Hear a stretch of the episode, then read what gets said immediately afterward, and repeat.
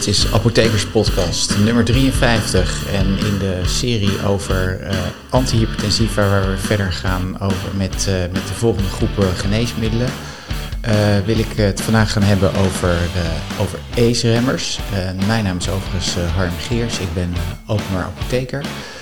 En ACE-remmers is eigenlijk waar het over gaat. En ACE-remmers is natuurlijk een afkorting. En waar staat dat ACE dan voor? Uh, ACE-remmer staat voor, A staat voor Angiotensin Converting Enzyme. En uh, dat is, uh, dat is de, de, het aangrijpingspunt van die, van die ACE-remmers.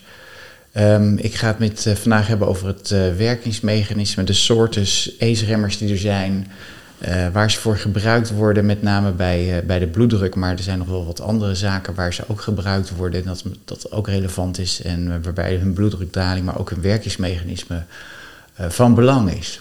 En uh, dat werkingsmechanisme is, is denk ik belangrijk om goed te begrijpen. Um, ACE-remmers zorgen eigenlijk voor dat, um, nou ja, zoals ik in, de, in, in podcast uh, nummer 5 heb uitgelegd over de onderhoudsmedicatie bij hartfalen, is, zorgen ACE-remmers dat ze het, het angiotensin converting enzyme remmen.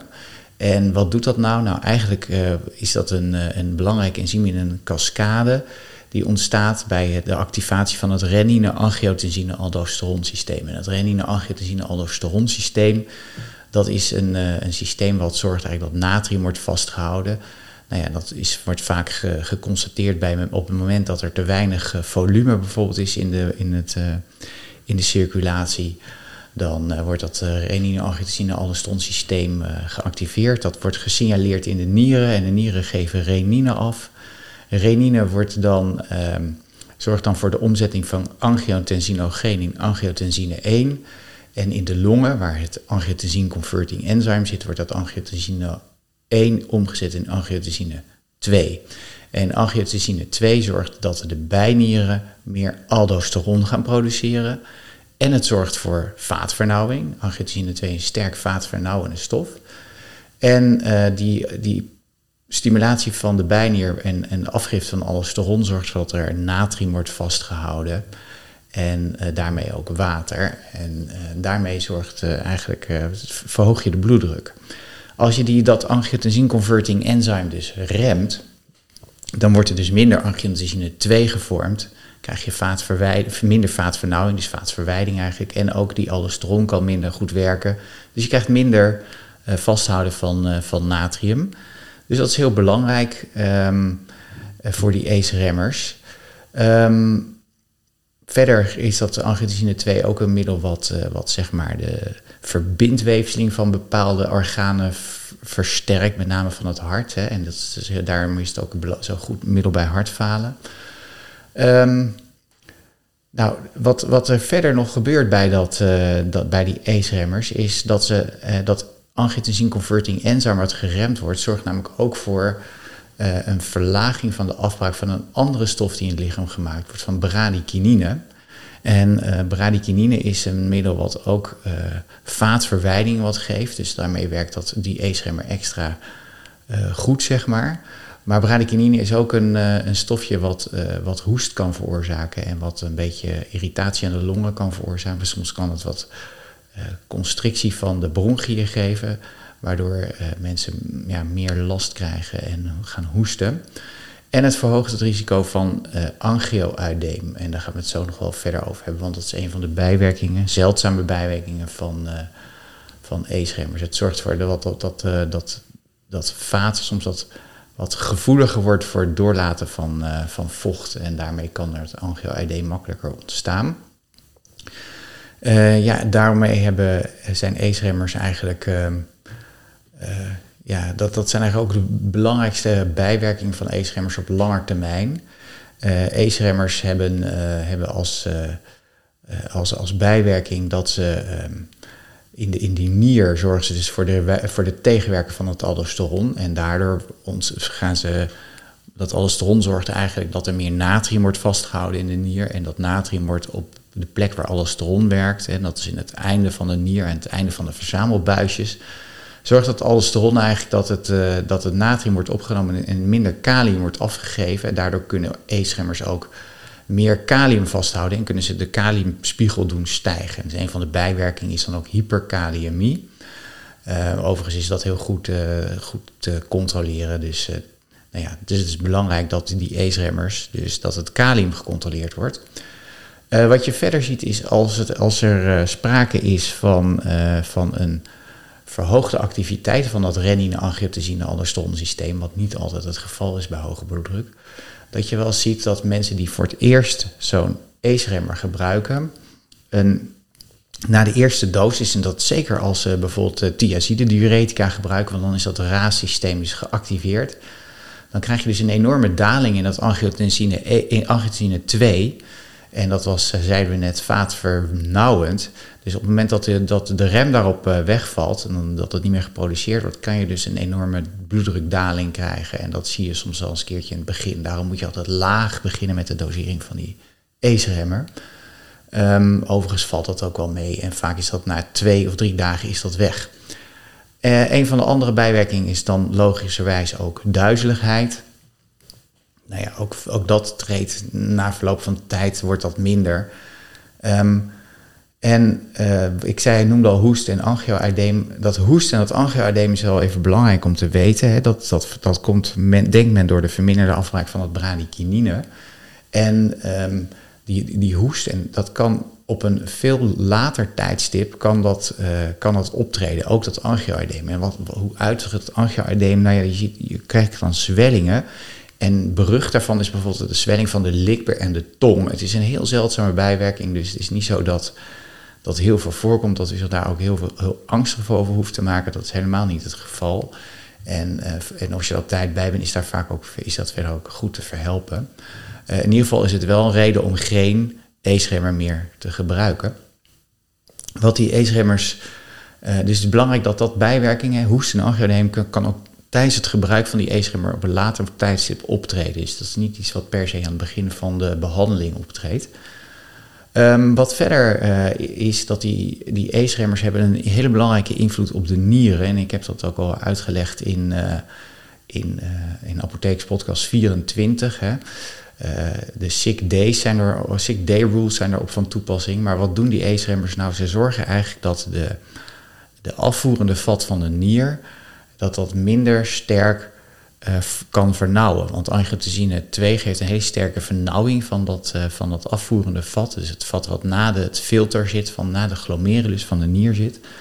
En um, in sommige situaties, met name bij dreigende uitdroging, kan het wel eens lastig zijn voor als mensen een ACE-remmer gebruiken, dat die die, die, die dat, dat vat niet meer uh, kan bijsturen in de filtratiedruk van de nier. En dan valt de filtratiedruk weg en dan heb je een, een acuut probleem.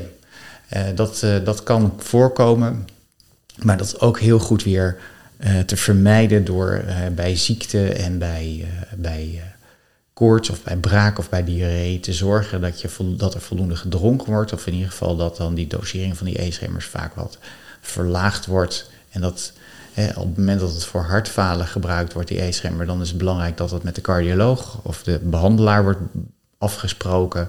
En bij bloeddrukdaling is het, of bij, bij middelen tegen hoge bloeddruk is uh, dus als de e-schermer voor hoge bloeddruk wordt gebruikt, dan is het eigenlijk geen probleem om die dosering te halveren in de meeste gevallen. Nou, welke, welke ACE-remmers kennen we nou allemaal? Nou, er zijn verschillende soorten ACE-remmers. ACE-remmers die een prodruk zijn en die geen prodruk zijn. Wat wil dat nou zeggen, zo'n prodruk? Nou, als, dat, als iets een prodruk is, betekent dat het eigenlijk als geneesmiddel niet actief is, maar dat het in de lever eerst moet worden omgezet in de actieve substantie. Nou, een aantal prodrugs die uh, er zijn wat betreft de E-schermers zijn enalapril, dat moet worden omgezet in enaprilaat, ramipril, perindopril en fosinopril. En de e-schermers die eigenlijk geen prodruk zijn, dat is het hele oude e-schermer, dat is captopril, wordt bijna niet meer gebruikt. En lisinopril, dat zijn geen producten, dus die zijn gelijk werkzaam. Uh, verder is het nog uh, handig om te weten dat fosinopril, dat is eigenlijk de enige e-schermer die ook gedeeltelijk door de lever wordt uitgescheiden en niet alleen door de nier. Uh, men denkt altijd, ja, zegt dat, dat nou die fosinopril is dan een heel goed middel bij mensen met een verminderde nierfunctie.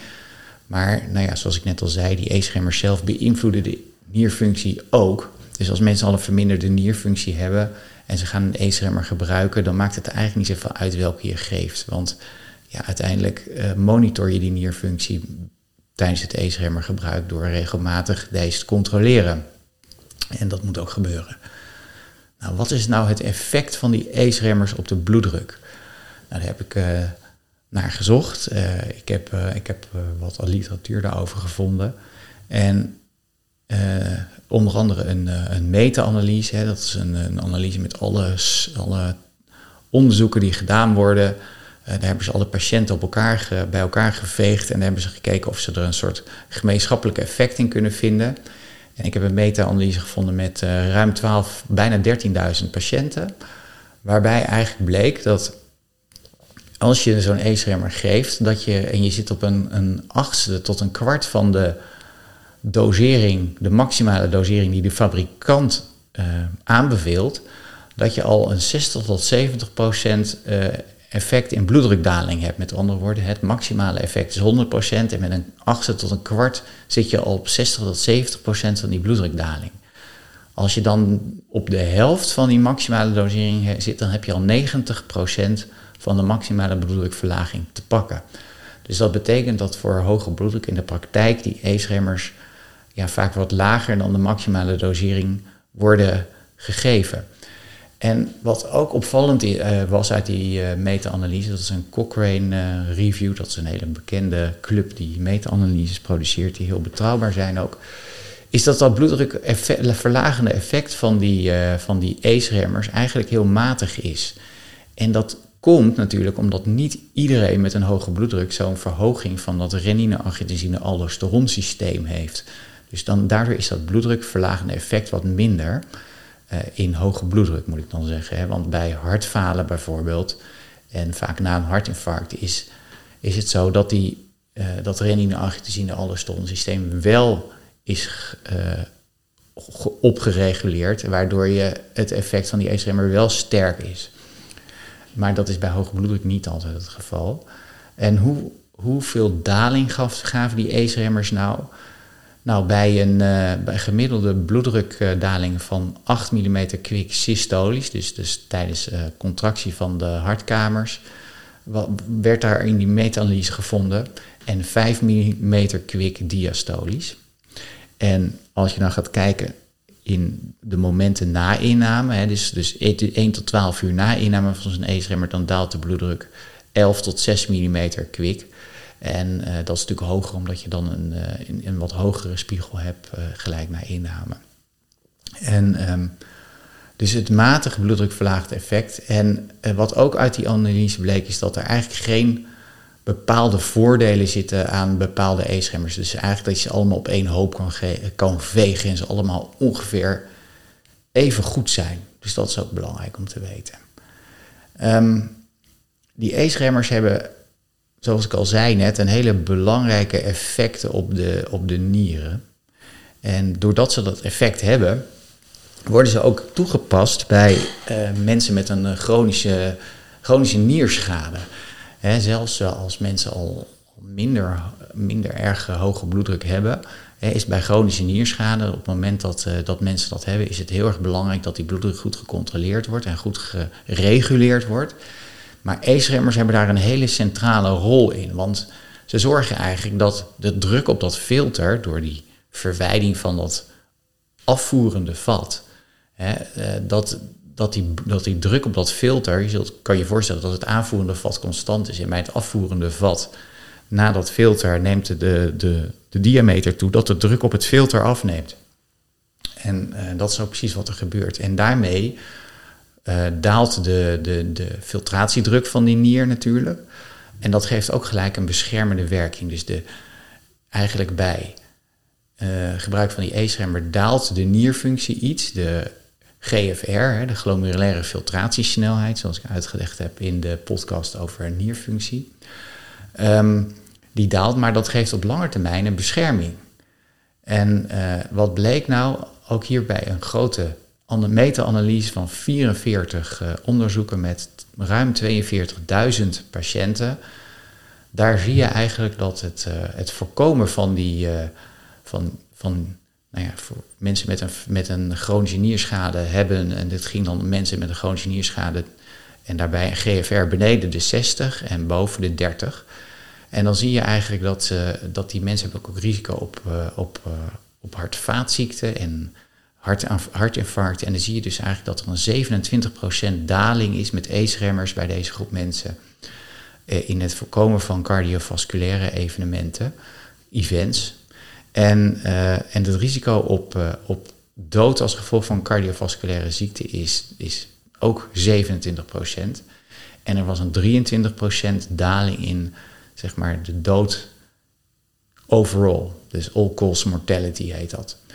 En wat ook interessant was, dat het vertragen naar eindstadium nierfalen met 46 procent werd verminderd. Dus het is heel belangrijk, deze, deze groep middelen is heel erg belangrijk bij uh, mensen met chronische nierschade om te gebruiken. En waar het ook een heel erg belangrijke rol speelt, is in mensen bijvoorbeeld die diabetes hebben, suikerziekte hebben en waarbij er eiwit uh, in de urine zit. Dat is natuurlijk niet goed. Dat eiwit passeert het filter, terwijl het normaal gesproken het filter van een nier, waar dat normaal gesproken helemaal niet mag en kan. Uh, maar bij, uh, bij diabetes is de druk op, die, op dat filter is zo hoog geweest door die hoge glucosespiegels, dat, um, uh, dat, dat uiteindelijk er een soort hyperfiltratie ontstaat. En die hyperfiltratie uh, ontstaat doordat er heel veel glucose in, de, in, het, um, in, het, uh, in bloed zit. Daardoor wordt ook veel glucose getransporteerd. En glucose wordt samen met natrium wordt dat opgenomen in de, het eerste gedeelte van de nier. En dat betekent dat er verderop in de nier, en doordat dat glucose samen met natrium wordt opgenomen, minder natrium in de urine ontstaat, of eigenlijk in de nier ontstaat. En dat is een maat voor, de, uh, voor, voor, de, voor het, uh, de communicatie tussen de nier en, de, en, de, en dat filter. Als er veel natrium is, dan zal, uh, dat filter, zal de, de, nier minder bloed aanvoeren. En als er weinig natrium is, meer bloed. Nou ja, doordat er zoveel gekozen is en zoveel gekozen met natrium wordt geresorbeerd, krijg je in, dat, in die communicatie een verstoring, waardoor eigenlijk het aanvoerende vat van het filter open blijft staan. En ja, de, de GFR enorm toeneemt, waardoor je enorme druk op dat filter krijgt. En uh, dus dat is natuurlijk te, te voorkomen door de glucosespiegel naar beneden te brengen. Uh, maar ook door het afvoerende vat open te zetten. En daarmee daalt die druk op dat filter weer. En daardoor zorgen ook de, uh, de ACE-remmers voor een verlaging van de van die druk en, en, en bescherming van de nierfunctie. Wat belangrijk is eigenlijk bij die, bij die mensen met eiwit in de urine, die albuminurie of proteinurie, is dat de dosering van die ACE-remmer, dat die, um, ja, je, we zagen net bij die bloeddruk dat je niet de maximale dosering nodig hebt, maar juist bij, op het moment dat je een ACE-remmer geeft bij die eiwitten in de urine en je hebt je hebt een maximaal bloeddrukverlagend effect, is dat goed, maar dan kan je toch nog die E-schermer omhoog doen qua dosering, want dan dat eiwitverlagende effect in de urine, dat blijft uh, doorgaan tot de maximale dosering. Dus belangrijk om die dosering te, zo, zo, goed, zo goed mogelijk te doen. Het is natuurlijk wel belangrijk om tussentijds die, die nierfunctie wel, wel, wel te blijven laten controleren. Hè? Want door die E-schermer gaat de nierfunctie kan dalen. En we accepteren eigenlijk een maximale daling van ongeveer 25%. Dus vandaar dat, dat die nierfunctie regelmatig gecontroleerd wordt. Nou, in de tijd van uh, COVID is er ook nog, maar daar ga ik nu niet heel uitgebreid op in, is er ook nog een, uh, een discussie geweest of je die ACE-remmers wel mocht blijven gebruiken bij, uh, bij besmetting met, met het SARS-CoV-2-virus omdat dat, dat virus via de, de ACE2-receptor het lichaam zou binnenkomen. Het blijkt dat het gebruik van die ACE-remmers daar geen negatieve invloed op heeft. Sterker nog, het lijkt er eerder op dat dat een positieve invloed heeft.